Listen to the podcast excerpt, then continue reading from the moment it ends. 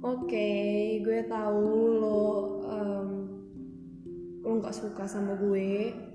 Mungkin lo benci sama gue. Dan makanya lo ngejauh dari gue bahkan ulang tahun gue aja lo nggak ngucap lagi padahal kemarin. Lo ulang tahun gue ngucap bukannya berarti gue nggak ikhlas ngucapin selamat ulang tahun sama lo tapi ya kalau secara kemanusiaan ya gimana ya terserah lah pokoknya gitu.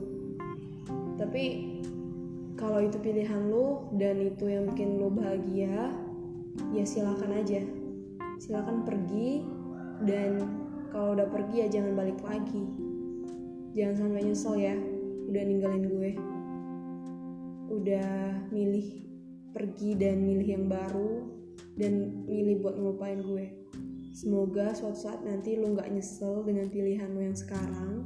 Semoga gue juga bisa bahagia. Semoga di, de di depan gue juga akan bisa menemukan yang lebih mengerti gue. Dan um, semoga kita sama-sama bahagia dengan pilihan kita masing-masing.